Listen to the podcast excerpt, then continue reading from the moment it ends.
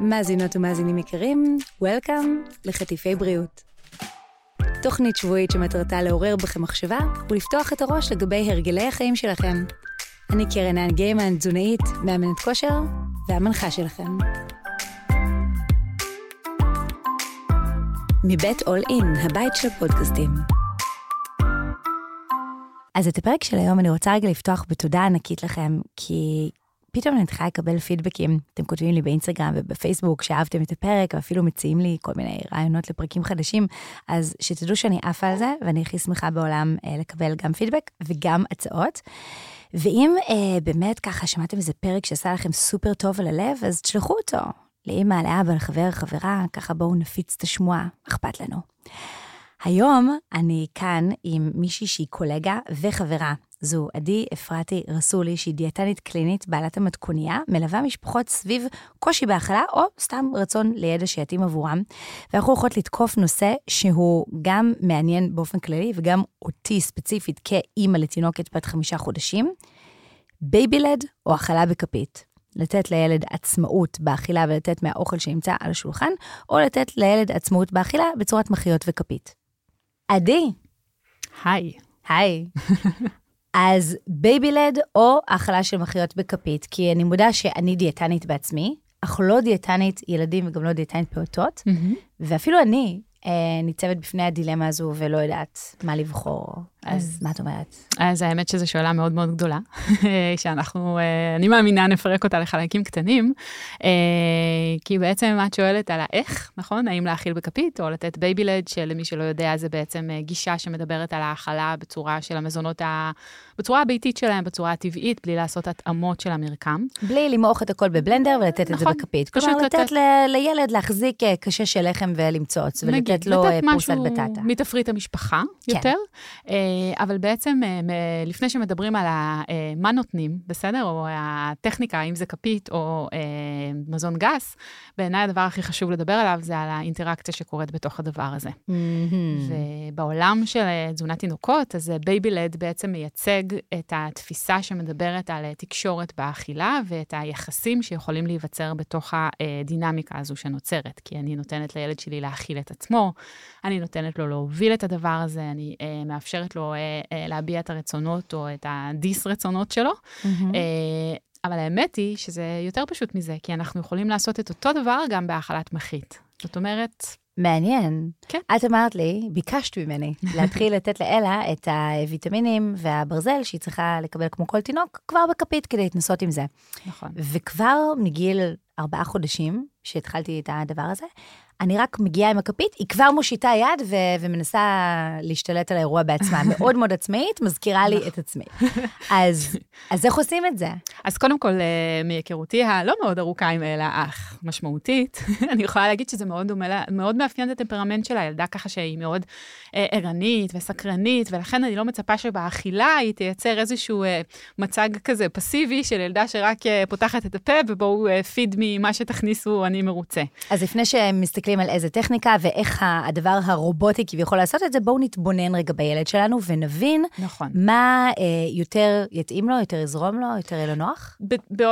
באופן כללי, בעולם כזה של הורות או ההכלה בתוך ההורות, אני צריכה להסתכל גם על מי הילד שלי ומה אני רוצה ואיך אני מש... עושה אינטגרציה בין הדברים. האינטג... אז איך? אז האינטגרציה הזאת קשורה גם לצורך העניין לפחדים שלי או לחששות שלי, ואם אנחנו מדברים על baby-led, אז אנחנו מדברים על הגשה של מזונות שהם לא טחונים, ואז בעצם אה, יש הורים שחנק, נגיד, זה דבר שמאוד אה, מלחיץ אותם, אף על פי שלתינוקות יש רפלקס הקאה שאמור להגן עליהם מפני אה, חנק, חלילה, זאת אומרת, להגן mm-hmm. לפני שחפץ מגיע למקום הלא נכון. אז אם אני הורה שברמת אה, אה, חשש או חרדה מחנק, אז אולי אני לא ההורה שכדאי לו להתחיל ממזונות שהם גסים. Mm-hmm. אבל לפני שככה אני אתייחס ממש להפרדה הגסה, אני אגיד ככה בהיילייט את הדברים שאני מאמינה שנכונים בתקשורת של ההכלה, ביחסי ההכלה. Mm-hmm. אנחנו חיים בעולם שהוא uh, סופר מהיר ואינטנסיבי, והמהירות, מי כמוך יודעת מהי, וכמי שמתבוננת מהצד ורואה את חייך המהירים, אז אני חושבת שהאתגר הכי גדול שלנו, ובטח בהאכלה, זה להיות צעד אחרי הילד ולא צעד לפני הילד. Mm. כשאני מאכילה בכפית, אז הרבה פעמים אני רואה הורים שמאכילים ומייצרים כמו תחנת ביניים כזאת, תחנת uh, המתנה של הכפית שמחכה אל מול הפה של הילד. Mm-hmm.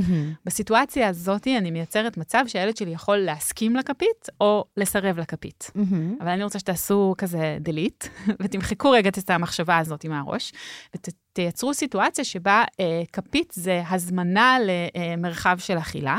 היא מונחת נגיד בצלחת שמוגשת אל מול הילד, אבל רק כשהוא מביע עניין, רק אז היא תתקרב אליו. Mm. זאת אומרת שאת טכניקת ההובלה, את זה שילד יוביל את הרצון שלו, אני יכולה לעשות בין אם עשיתי במחית, או בין אם עשיתי באוכל גס. זאת אומרת שכרי כשאנחנו מאכילים בכפית ועושים טעימות, אנחנו לאו דווקא נחכה לסימני רעב כמו בהנקה או בקבוק. Mm-hmm. ואז בעצם אנחנו שולפים תינוק מאיזושהי סיטואציה שהוא משחק, שוכב, בוהה, מניחים אותו בכיסא, ממש כמו שאת ואני דיברנו לפני ההקלטה, כן. ואז הנה הגיע הזמן לאכול, בלי שהוא הביע רצון, בלי שהוא בכלל רצה את זה, וזה קצת קשה לנו לפעמים להסתכל על תינוקות כבני אדם, כן. כי כאילו זה מגיע עם ספרון הדרכה כזה של כך וכך, צריך להחליף חיתול, זה, וגם להאכיל, אבל אז זה בעצם יכול להיות הרגלי אכילה לא טובים. גם הרגלי אכילה וגם איזשהו ניתוק בהבנה שלו את הסיטואציה. אז אני אתייחס לשני דברים שהעלית, אחד זה איך אני ניגשת לתוך הסיטואציה של ההאכלה, וגם מה התזמון ההגיוני, הריאלי, הנכון, להתחיל את המסע הזה של ההתנסות באכילה. Mm-hmm. אז היות ואנחנו מדברים על איזשהו, איזושהי מיומנות, המיומנות הכי אה, מורכבת שאנחנו עושים, אגב, שאנחנו לומדים, אז אכילה ויחסי מין בסוגריים. אלו שתי הפעולות הכי מורכבות שנעשה בחיינו. הן מערבות את כל המערכות, את כל החושים, ו, ולכן אני צריכה את הפניות של התינוק. תינוק רעב, לא פנוי. תינוק עייף, לא פנוי. ולכן מבחינת התזמון בתוך היום, אני רוצה למקם את זה בשעה שהתינוקת שלי לא רעבה ולא עייפה. אני רק אפתח סוגריים ואני אומר שתינוק רעב לא פנוי ללמידה של אכילה בכפית. הוא רוצה לאכול כמו שהוא רגיל, או בנקה או בבקבוק, וזה העניין. בגלל כן. זה הוא לא פנוי, לא הוא כי לא הוא לא פנוי... לא צריך את זה. נכון, אבל הוא לא פנוי לכלום. זאת אומרת, כשהוא רעב, כן. הוא רוצה רק את הדבר הזה, הוא לא ירדם, הוא לא יזחל, הוא לא יעשה שום דבר שמצריך ממנו איזושהי מיומנות mm-hmm. אה, מאומצת של אה, סנכרון בין מערכות. ולכן אני רוצה לתזמן את זה בשעה שהיא לא עייפה ולא רעבה, זה יכול להיות אחרי שנת בוקר, אה, אחרי שנת צהריים, או בכל מיקום שנוח. אגב, זה לא חייב להיות באותה שעה בכל יום. אני דווקא mm. אוהבת לגוון את הדבר הזה. אה, זה גם עניין של גישות ואסכולות, יש מי שככה מייצרים לו"ז מאוד מאוד קבוע לילדים, וזה, וזה עובד להם וזה מעולה, ומי שהוא אה, אדם, אה, נגיד, אני אף פעם לא הצלחתי לייצר סדר יום לילדים שלי, זה גם לא היווה איזשהו עניין או בעיה, והשונות הזאת, יש בה גם יתרונות רבים, בלתזמן סיטואציות במקומות אחרים, רק לשמור על העוגן של לא רעב ולא עייף. כשאני לוקחת את הילדה שלי מהמשטח פעילות, ואני בעצם הולכת להעביר אותה לתוך חוויה שהיא באמת מאוד uh, משמעותית ומצריכה ממנה הרבה פוקוס ומאמץ והתארגנות גופנית, אני רוצה להגיד לה שהדבר הזה הולך לקרות. הרי mm-hmm. היא לא mm. ביקשה לאכול, היא בסך הכל שכבה שם ושיחקה עם עצמה. אני מצאתי שזה זמן טוב עבורה, אז אני רוצה לתווך את הדבר הזה, ואז אני פשוט מרימה אותה ומדברת, מדברת את מה אני הולכת לעשות. אני אומרת, בואי נלך למטבח, נארגן לנו צלחת, אנחנו נשב ביחד ונאכל. כשאני עושה את החיבור הזה, ואם במקרה מישהו שומע אותנו ויש לו ילדים יותר גדולים בבית, שאצלם זה אפילו לפעמים עוד יותר משמעותי, זאת אומרת, לחבר אותם לתוך הסיטואציה, כדי שלא יהיה איזשהו ניתוק, כי הניתוק הזה מייצר איזושהי, כמו התבוננות מפתיעה, או מתנגדת אפילו לעיתים. אז עשיתי את החיבור והגעתי לכיסא האוכל. Mm-hmm. שכיסא האוכל זה גם נקודה. בואי נרחיב עליה רגע. יאללה. למה לא להאכיל בטרמפולינה של את קידבק, אה, שהרבה מאוד אמהות ישמחו לשמוע? הרבה מאוד אמהות ישמחו. אה, אני חושבת שלאורך אה, שנים רבות יש איזשהו ניסיון ברשתות החברתיות ככה לכוון הורים לזה שבעצם אנחנו רוצים להאכיל בכיסא אוכל כבר ב-day one. Mm-hmm. כשאני מאכילה בכיסא אוכל, אני יושבת בנוח מול הילד שלי, ואני הכי טובה כשנוח לי, בסדר? אני מאכילה הכי בנוח. אני, בכלל, חוויה של האכלה, לפעמים אצל אה, הורים צעירים או בתחילת דרכם, היא, היא חוויה מציפה בערך כמו שלי להתמצא בתל אביב, ושתגידי לי לחכות לך בנקודה A וחיכיתי לך בנקודה C, כי ככה הבנתי. אז חוויית הכלולסיות אה, בניווט, זה חוויה שפוגשת הרבה מאוד הורים בתחילת הדרך. אז תקלו על עצמכם, תעשו סיטואציה שהיא נוחה עבורכם, נוחה פיזית, נערכתם אליה מראש כמו שצריך. הושבה בכיסא אוכל היא בטוחה ונכונה יותר לתינוק, והיא אה, נכונה יותר לאינטראקציה התקשורתית שתיווצר בין מאכיל ואוכל. אז ישבנו בכיסא האוכל, אחרי שככה לקחתי את התינוק איתי ואמרתי לו, הנה בוא תראה, אנחנו הולכים לאכול. התיישבנו בכיסא האוכל, ואז מגיע לפה עניין הכפית, הממתינה. במקום שהיא תמתין לו מול הפה, אני יושבת איתו ביחד ואנחנו אוכלים, ממש אוכלים ביחד, מחכה לאיזשהו פידבק, ש...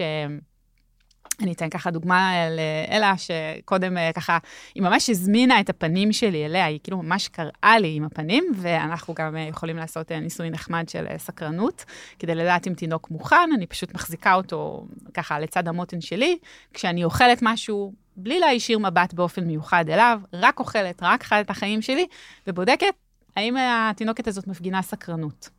בלי סקרנות, מאוד מאוד קשה לפתח כל מיומנות שהיא. אז וזאת נקודה מאוד חשובה, כי באמת, אה, גם אני כל פעם שולחת לך סרטונים של אלה, ואנחנו רואות שהיא מתחילה לעשות יותר ויותר סקרנית, ואת אומרת לי, תחכי.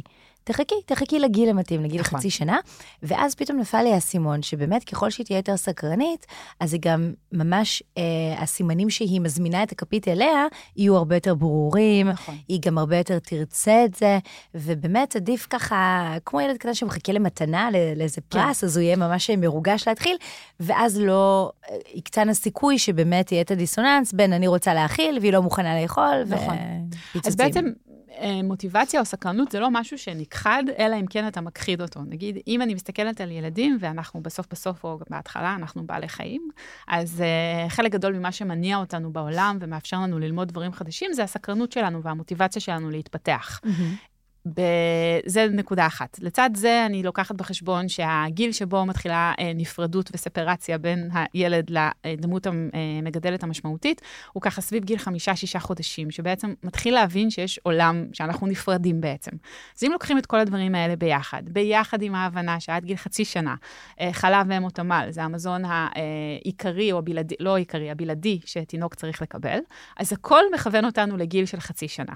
אני צריכה בגיל חצי שנה, ביחד עם סימני הסקרנות שלה, ביחד עם הידיעה שהיא כבר מצליחה להחזיק את פלג הגוף העליון שלה. אה, אחד הסימנים לזה זה למשל אם היא מתהפכת. אם היא מתהפכת זה אומר שהיא מצליחה מוטורית לשלוט בזה, מה שאומר שהיא אה, מוכנה, אה, ואם ילד עוד לא מתהפך זה גם אה, עדיין אפשרי להתחיל, רק לבדוק שהוא באמת יציב. למה היציבות חשובה? כל התארגנות הבליעה והיכולת שלי גם לפנות אה, חפץ אה, לא רצוי, זאת אומרת להשתעל, אה, זה ממש, אתה צריך לשלוט בפלג הגוף העליון, שזו גם הסיבה ללמה לא להושיב בכיסא. כשאת מושיבה בטרמפולינה, אז הגוף מוטה אחורה, היכולת שלך לפנות חפץ זר היא לא, לא פשוטה ולא קלה. ושאלת קודם על טרמפולינה, ולא אמרתי, אבל טרמפולינה היא גם מאוד מתנדנדת, mm-hmm. מייצרת תנועה. בתוך חוויה שגם ככה מצריכה פוקוס מכל מערכות הגוף. אז זה כמו, אה, כשהתחלנו ככה להקליט, אז היה פה איזה זמזום כזה, נכון? והוא שיגע את שתינו, אז, mm-hmm. אז תחשבו שהתנועה הזאת שנוצרת בתוך הטרמפולינה, זה כמו איזה רעש כזה, שהילד צריך להתמודד איתו כל הזמן, לצד ההתמודדות עם אכילה, שהיא mm-hmm. גם ככה מורכבת. עכשיו, בסופו של דבר הוא יצליח, אבל זה פשוט לא מלמד אותו אה, אכילה בצורה הכי טובה שיש, זה לא לדעתי. נותן לו תנאים אופטימליים. או, זאת אומרת, תנאים זה, אופטימליים. ב, כאילו, בסוף ילד יכול ללמוד כך או כך או כך, אבל אנחנו רוצים לייצר מצב שאנחנו באים לזה, מה שנקרא, בטוב. Mm-hmm. וגם כל הזמן אני זוכרת שאני לא מתבוננת רק על התינוק, אני מתבוננת גם על ההורה. ואם אני מכניסה אה, גורמים אה, מבלבלים או אה, לא אופטימליים, אז אני מייצרת סיטואציה שעלולה להיות לא מאוד פשוטה.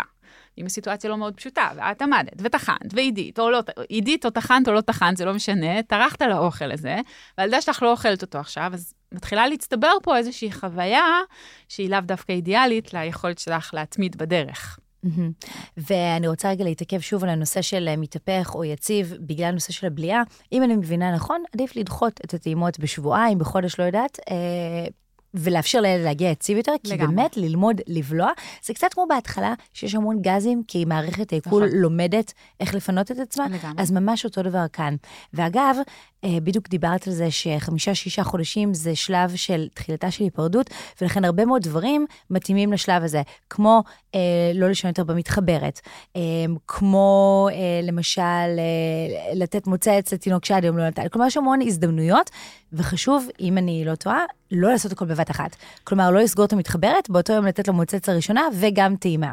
נכון, באופן כללי, אה, כל, מה שלנו נראה אה, בקטנה ופשוט, יכול לחוות אצל תינוק בצורה מאוד אה, עוצמתית ומציפה, כי זה הפעם הראשונה. תמיד אני, ככה כשאני מרצה או מלמדת, אז אני אומרת, תעצמו את העיניים, אני אשים לכם מטפחת, תפתחו את הפה, ואני אגיש לכם מה שבחרתי להגיש לכם. אולי בחרתי להגיש לכם רגל כחושה או ג'לי או גפילטה פיש, כמתבקש בעונה. אימא שלי מאזינה ואומרת, וואו, איזה כיף.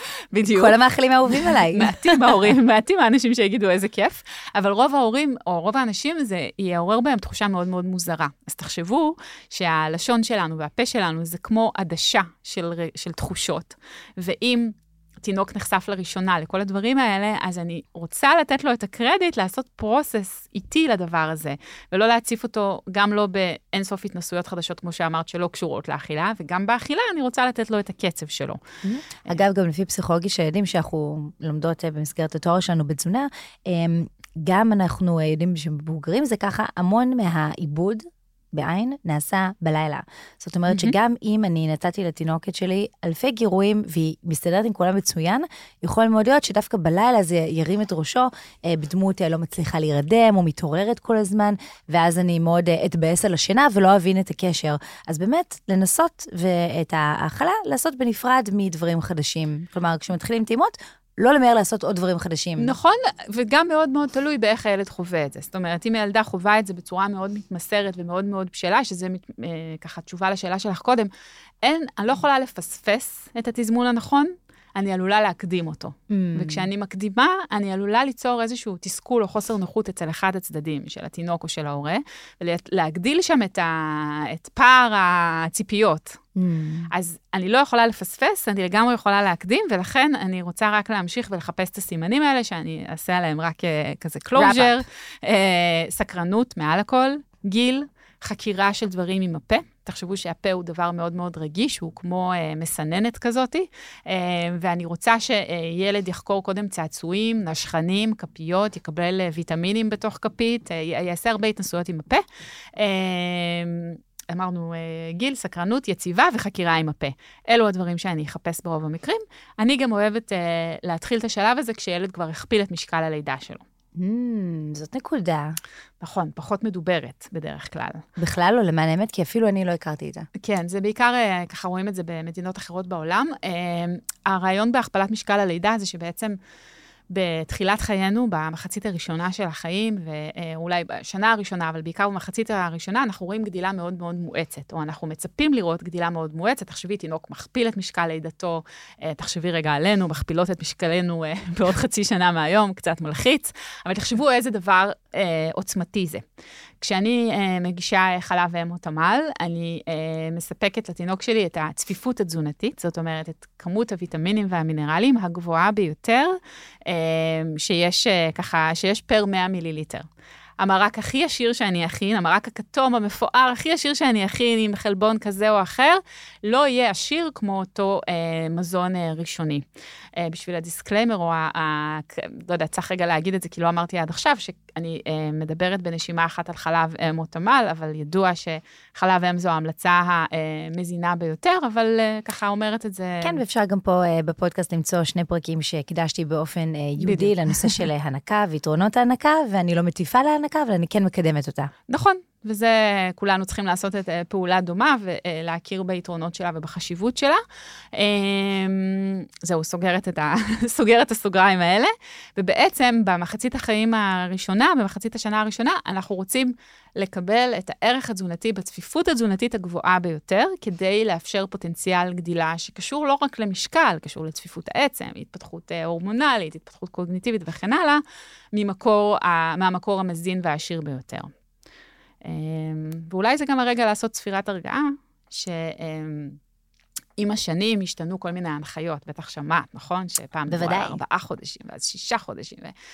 אבל גם הטרמינולוגיה, השפה שבה בוחרים להשתמש בטייטל, הדבר הזה, גם הוא הולך, ומש... זה גם הולך ומשתנה, והיום אנחנו באמת, המושג הנכון לומר זה מזונות משלימים. mm. כי הם בעצם משלימים לחלב האמות עמל, הם לא בלעדיים, הם לא במקום.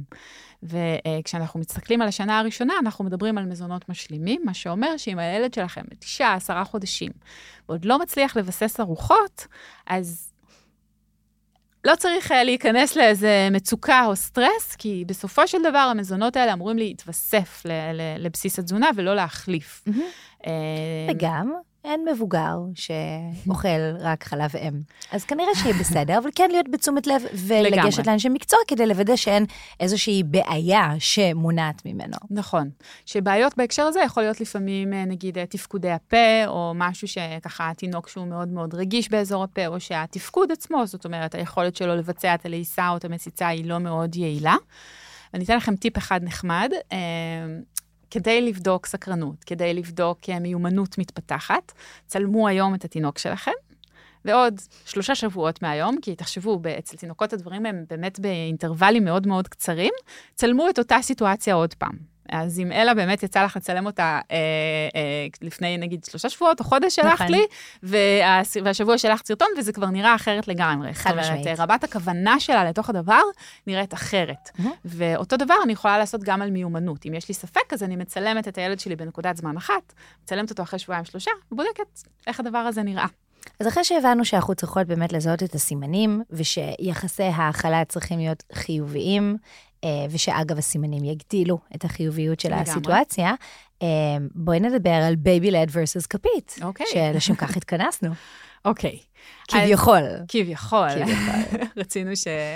רציתי שתתני לי פתח לדבר את עולמי. זהו, חיפשנו תירוץ. אז uh, תראו, אז baby-led, כמו שאמרנו קודם, זה בעצם טכניקה שבה אני מגישה את המזונות כשם שהם. אז היתרונות הם די ככה ניכרים וברורים בעיניי, זה בעצם ילד שקרוב במובן הרגשי והפיזי לשולחן המשפחה, הוא אוכל את אותם דברים.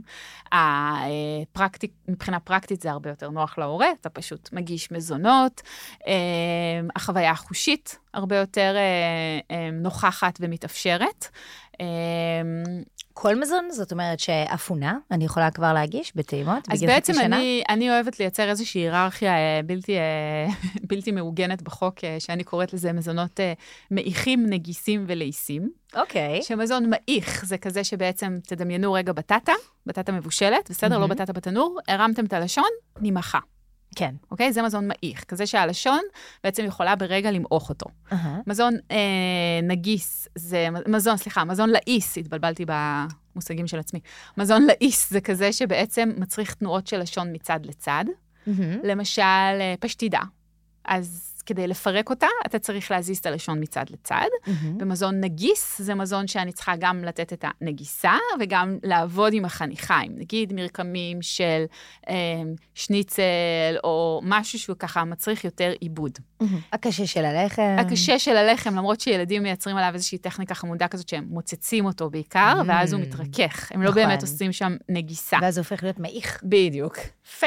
אז... אה, אז בעצם אני יכולה להגיש כל מזון מהמעיכים, בסדר? אה, שבעצם נמעך. אני מתקדמת לאט-לאט עם הדברים, וכמובן, כמובן, מקפידה על בטיחות האכילה. אז דברים כמו אפונה, יש להם שתי מורכבויות, אחת זה הגודל והצורה, mm-hmm. אז אני רוצה לפנצ'ר אותם, למעוך אותם. ואז אני זוכרת שבעצם אכילה היא פעולה מורכבת, מצריכה סינכרון וכל מה שאמרנו, אז אם אני עכשיו מושיבה את הילד שלי לארוחת ליקוט, שבה הוא צריך להרים לאט-לאט אפונים, אז נשאלת השאלה כמה סבלנות תהיה לו, וכמה שובע הוא יצליח ליצור מתוך הארוחה הזאת. אז כל מה שקשור למוטוריקה ומיומנות, אני בגישה שאני יכולה כמובן לשכלל אותם בתוך כדי האכילה, אבל לא רוצה לעבור את סף האתגר. זאת אומרת, לאתגר אותו יותר מדי שהוא כבר יגיד, אוקיי, אין לי כוח לזה, אני, תנו לי, תנו לי משהו אחר. אז, אמ, אז לשאלתך, ברמה הבטיחותית אני חייבת לפנצ'ר, וברמה הזאת שקשורה ל, ליעילות האכילה, או לכמה נוח יהיה לו לאכול את זה, אז אני אשים את זה במידה, אני אשים כמות קטנה של זה לצד חתיכות מאוד מאוד גדולות. Mm-hmm. למשל של בטטה, או משהו שהוא פשוט יכול להרים בעצמו. Mm-hmm.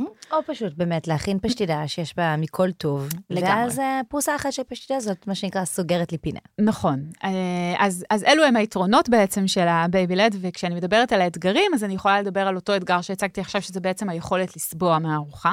שתלויה מהמם. בכמה סבלנות יש לילד. אה, ובמוטוריקה שלו, כמה הוא בדיוק. באמת מכניס לפה, כי לגמרי. אלה, עם כל הרצון שלה לקחת את הכפית, אני נותנת לה את הכפית, בכיף, בואי תתנסי, והברזל נמצא בכל מקום, תוסף מהמם. הברזל, ומעט מאוד בפה שלה. אוקיי. צריך להשלים אחר כך. ועם אוכל זה פחות אידיאלי, כי אנחנו באמת רוצים שזה ישלים להם ארוחה. נכון, למרות שאני לא מפחדת מזה שזה יישאר רק בגדר חוויה, גם תקופה ארוכה. אה, אוקיי. אני לא מפחדת מזה, כי כמו שאני לא אלמד את הילדה שלי לזחול, נכון, היא מתחילה לזחול, אז אני נותנת לה לעשות את זה בעצמה, אני לא, אה, לא אה, מזחילה אותה, לא מזיזה לה את הרגליים אהבתי את בצורה... המילה מזחילה. כן. כי זה בדיוק המקום הזה מלל, מללמוד בעצמך, לבין מישהו שיעשה את הפעולה, או יאכיל אותך, או, או יגרום לך לאכול, או יגרום לך להיות עצמאי. זה דברים שאני לא מאמינה שאנחנו יכולים לגרום לילדים שלנו. מהמם. אה, אז אני רוצה לאפשר לה לעשות את זה בקצב שלה, גם אם זה ייקח יותר זמן. ואולי גם פה זאת נקודה טובה אה, להזכיר שאנחנו לא מנקים ילד תוך כדי האכילה. וואו, זה וזאת נקודה שיכולה להיות מאוד מאוד קשה, כי לפעמים האכילה היא אירוע. לא אסתטית, לא אסתטית בלשון. המעטה. וכל הילד מלא באוכל, וכל הספה, ולא יודעת איפה האכלנו אותו אה, עם הכיסא, לכן כן. עדיף גם ליד השולחן. לגמרי. וכבר באמת בעין יש לה כל כך הרבה בטטה שלא מצליחה לפתוח אותה. טוב, אולי קצת הגזמתי, אבל לא מנקים ילד תוך כדי ארוחה, כי נכון. אז זה באמת מסמן לו מה? זה, יש בזה כמה מסרים מורכבים. אחד, זה קודם כל עצם הניקיון והחיפוש אחרי לדייק את הילד. זאת אומרת, תחשבו שנגיד הגשתם כפית, ועכשיו האוכל קצת יצא, ואתם מתחילים ככה לגרוף לו עם הכפית, אז אתם גם פוגעים ביכולת שלו ללמוד את הטכניקה הנכונה של הגריפה. משדרים איזשהו מסר שצריך לשמור על ניקיון, כאילו, אה, אני צריכה אה, שתהיה נקי סביב הדבר הזה, ואני כל הזמן אה, אה, ב control עליך. אה, אה, זה, שלא לדבר אם עושים את זה עם המגבונים, שגם יש להם טעם של אוי. מגבונים, ואז בכלל אנחנו מייצרים איזו חוויה מורכבת. גם לא לשכוח, אגב, שתינוקות אוהבים להתעסק עם אגרופים ועם ידיים. לפחות בגילאים קצ- קטנים יותר, ואז הם יכולים על הדרך את הלכלוכים כביכול מסביב לפה, להכניס ואז להרוויח חוויה נכון. רב-חושית. לגמרי. ואז יגרום להם לאהוב עוד יותר לאכול. נכון, ואני אגיד עוד משהו שהוא ככה, אמ, אנחנו לא מסתכלות לאף אחד בעיניים ממש כרגע, ובכל זאת חשוב לי להגיד אותו. החוויות שאנחנו צוברים סביב הפה קשורות גם אה, לחוויות של אה, שחרור של פי הטבעת.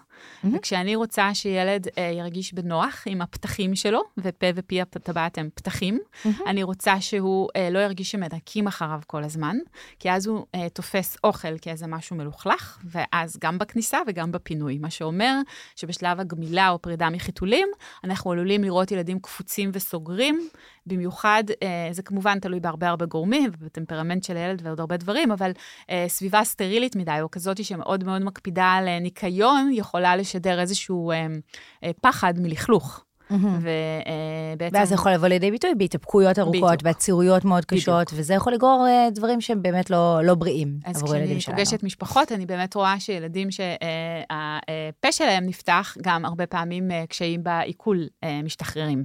אנחנו גם רואים את זה, אה, שוב, אני, מה, אני מניקה, אני לא יודעת אם זה קורה גם בבקבוק, אבל בהנקה הרבה פעמים היא יכולה לרצות לנוק ממש נכון. דקה רק בשביל לשחרר קקי ענק. נכון, אז תחשבו, זה בעצם צינור אחד שמחובר מקצה לקצה, גם בפיזי שלו, גם ברגשי שלו, ואני חושבת ש... את ה... תמיד אני אומרת, את, ה, את ה"מה לתת", אם לתת מחית כזאת או אחרת, זה אה, די קל, אפשר לקרוא את זה בכל מיני מקומות אה, באינטרנט וזה, אבל, אבל מה שחשוב באמת, זה האופן שבו אתה מתקשר את הדבר הזה. האיך. האיך, וכשאתה מבין שהאכילה היא שפה, אז אתה, אתה על זה. אז בהפוך מ baby-led, ששם אנחנו אומרות, בואי נכין פשטידה שיש בה מיליון ואחד דברים, ואז התינוקת שלי תקבל את המזון אה, הכי מזין מהביס הזה, כפית אומרים, בואו נפריד, בואו נתחיל במחית של זוקיני, נתקדם למחית של פרי, אז היום... נשים בכפית. מה, זה שמיים וארץ, איך, איך בוחרים את זה השיטה? גם שמיים וארץ, וזה גם endless, uh, כאילו, אם אתה צריכה לחשוף לכל מזון ביומיים, יומיים, יומיים, אז את באמת מגיעה לגיל ארבע כשהילד uh, נחשף לפסיפלורה. אז uh, אני מחלקת את זה ככה שבעצם... Uh, כביכול אין קשר בין הדברים, בין זה שתבחרי ל baby-led לבין זה שתרצי לחשוף את המזון באופן מדורג, כי הם לא קשורים אחד בשני. אבל ככה יוצא שבגישה של baby-led מדברים על תגישו פשוט את האוכל, ובמחיות יש יותר אה, שמרנות על כל המשתמע מזה. מהמם. מה שאני מציעה זה לחשוף מבחינת מערכת העיכול. זאת אומרת, לדברים שהכי קל לעכל, קודם כל לעכל בעין, אין, אין עיכול אחר, נכון? לא, אין עיכול אחר. לא, יש להקל. להקל בה', יפה. אוקיי, ידעתי שמשהו שם. אז uh, כשאני רוצה שיהיה עיכול נוח, אז אני מעדיפה להתחיל בירקות, בין אם זה baby-led ובין אם זה uh, אכילת מחיות. Uh, להתחיל בירקות מאודים ומבושלים, שיהיו קלים למערכת העיכול, כדי שילד יצליח לעשות את הקישור בין היה לי קל לאכול, היה לי טעים וגם קל לי בבטן. אז uh, בתוך קטגוריית הירקות, אני לא כל כך מפרידה ביניהם. אני מתחילה משלבת שילובים שונים ומשונים, אחרי זה פירות, אחרי זה מוסיפה לזה שומנים, ורק אחר כך חלבונים. אוקיי, זאת אומרת שגם בכפית אנחנו לא מדברים נכון. על מוצר בודד, אנחנו מדברים על קבוצות. נכון. לפעמים אני כן מפרידה ביניהם כדי לאפשר uh, חשיפה לטעמים מגוונים. למשל, לעשות מחית זוקיני, מחית בטטה, מחית uh, לא יודעת מה, כדי שילד יכיר שלא הכל הוא בטעם של בטטה, או לא mm. לא הכל הוא בטעם של בננה. בעיקר עם המשתלטים. בדיוק, בעיקר עם המשתלטים. ואז לשיטתך, גם אם עושים baby-led, כדאי להתחיל מפשטידת ירקות בלבד, לפני שאני אני מעמיסה קטניות, בטטה, בננה. לדעתי כן, כדי לייצר שם חוויה נינוחה. גם לא אמרתי קודם, אבל בגדול, אה, baby-led במהותו זה, מזו, זה אה, משהו שיותר קשה לעכל. אז, אה, כי, כי אין שם את פעולת הטחינה עוד לפני שזה נכנס למערכת העיכול. אז אם יש פה אימא שמאזינה ואומרת, או וואו, אני רק יותר מבולבלת, מה כדאי, כפית או baby-led? יאללה, בואי נעשה לה checklist כזה. קדימה. ורק אני אגיד קודם, אלרגנים זה משהו שאני כן מפרידה. Mm. אוקיי? מזונות אלרגנים, שבעיקר זה יכול להיות שומנים למיניהם, כל מיני ממרחי אגוזים, טחינה וכן הלאה. בוטנים. ביצים, בוטנים, אה, אני כן רוצה לחשוף חלב. אליהם בגילאים הצעירים, נכון, גם חלב, אבל אני לא רוצה לחשוף אליהם בבת אחת כדי לא לדעת אה, מה הגורם האלרגני. אז אני אעשה רגע צ'קליסט כזה. או, כן. אוקיי. אני שואלת אותך כזה תיאורטית, אימא שמאזינה לנו, אבל, אבל אני האימא, אני, כן, אוקיי. נדית, ספרי לי מה לעשות. אז אחד, תבדקי, מה המטרות שלך. האם הילדה שלך הולכת להיות עכשיו תקופה ארוכה בבית, ויש לכם שפע של זמן, ולבסס ארוחה, זאת אומרת שאוכל מוצק יהיה שובע, לא יעד מבחינתך, כי יש לכם הרבה זמן להיות ביחד בבית. אם זה יעד מבחינתך, ממליצה לך להתחיל במחיות, כי מוטורית זה יותר קל. מחיות, תוך כדי שאת מאפשרת לה להוביל את הקצב, ומאפשרת לה גישה לתוך המזון כדי לחקור ולגעת אותו. אם אני רוצה, אם יש לי ילד עם uh, קשיי עיכול, גם אז אני אעדיף להתחיל במחיות, כי סביר להניח שיהיה קל יותר לעכל את זה. אם אני חוששת מחנק, אז אני אעדיף להתחיל במחיות. ובכל מקרה, הגישה היא גישה שאומרת, תני לילד להוביל את הקצב, תאכלו ביחד, כי אם לא תאכלו ביחד, אז הילד שלך לא מבין בכלל מה מרגש בזה, מה מסקרן בזה, ולכל מי שאוכלת כשהתינוק שלה ישן, אז תתחילו לאכול גם כשהוא ער. אמ, ושאלת ה... אה, אז אני חושבת, אני מקווה ששמנו בצד את זה שהתקשורת יכולה להיות אה, משתפת כך או כך, בין אם זה מחיות, בין אם זה מזון גס, והבחירה במחית או גס צריכה להיות קשורה למערכת העיכול של התינוק, לחששות ההוריים, ולכמה זמן יש לכם כדי לייצר פה איזושהי ארוחה שתבוא כחלופה לחלב אם או תמ"ל. בכלל. כמה זמן מבחינת זמן הארוחה, או זמן לא, מבחינת... לא, ה... עד היעד, נגיד ילד שנכנס למסגרת, או אימא שחוזרת לעבודה, או משהו ש, אה, שכן שם את זה כמטרה. זאת אומרת שכשאימא חוזרת לעבודה, או ילד נכנס למסגרת, אז צריכה להיות ארוחה מבוססת.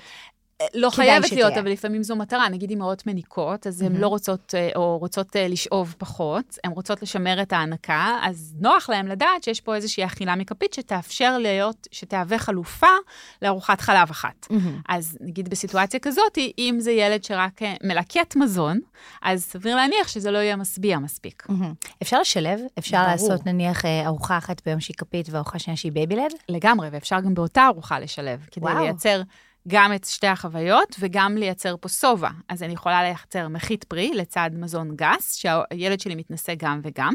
ובאופן כללי, אה, היות ואנחנו רואים אה, ששיעורי הבררנות באכילה והמיומנויות אכילה של ילדים הולכות ויורדות ככל שהם שותים יותר אוכל, למשל, את השקיות פרי או את המעדנים לשתייה, אז אנחנו לא רוצים להתקבע על מחיות בכל מקרה לזמן ממושך. רגע, גם... לא הבנתי, הם בררנים יותר כשהם שותים את האוכל שלהם. כן. אוקיי, ברור. כן, כי... לרגע השתמע, אני כזה, כן, הם נעשים אוקיי. פחות בררנים כשהם שותים, אז לא. הפוך. שותים את האוכל, כן, יותר בררנות. נכון. ככל שאנחנו uh, פחות משוכללים בטכניקת האכילה, זאת אומרת, עושים דברים שהם יותר uh, uh, שתייה מאשר אכילה, אז אנחנו פחות פתוחים פחות mm. מתנסים, פחות משכללים את היכולות המוטוריות של הפה. בתור בררנית אכילה, עד mm-hmm. גיל 21 הייתי בלתי נסבלת, mm-hmm. הרבה פעמים זה עניין בכלל של מרקם. נכון. ולא של טעם. נכון. ולכן, ככל שאני אגוון במרקמים, נכון. ואגב, גם בעיניי, כאימא רגע, וגם כדיאטנית, יותר אה, כדאי לאפשר גם baby-led וגם כפית, כדי באמת לאפשר כמה שיותר צורות וכמה שיותר התנסויות נכון. וכמה שיותר מיומנויות. בעצם אנחנו מדברים על שילוב של מרקמים באותה ארוחה, שזו טכניקה הכי טובה, אה, שהכי נוחה, נכונה בעיניי, כי היא מאפשרת לילד מצד אחד לסבוע, מצד שני לחקור ולהתנסות, וגם להורה לצאת באיזושהי תחושה שהוא ככה מבין מה קרה בתוך הארוחה. אה, ועד גיל שנת, שנה וחצי, שנתיים, ילדים הם פתוחים באופן יחסי לטעמים ומרקמים. תשתמשו בזה. רציתי להגיד, תנצלו את זה, אבל זה לא יפה לנצל את זה. כן נכון להשתמש בזה, ולגוון את הצורות הגשה, את הטעמים ואת התערובות שאתם מכינים. רגע לפני שרוצים פסטה בלי כלום עם קטשופ. לגמרי. עדי, תודה רבה, זה היה מרתק. תודה. ואם יש לאנשים שאלות, הם יכולים פשוט לפנות אליך באינסטגרם או בפייסבוק, נכון? נכון? בכל ו... ערוצי המתכונייה באשר הם, אה, גם יכולים להוריד את הספר הדיגיטלי, הם יכולים אה, ממש אה, ככה למצוא מלא משאבים פתוחים וזמינים. מדהים. תודה. בהצלחה.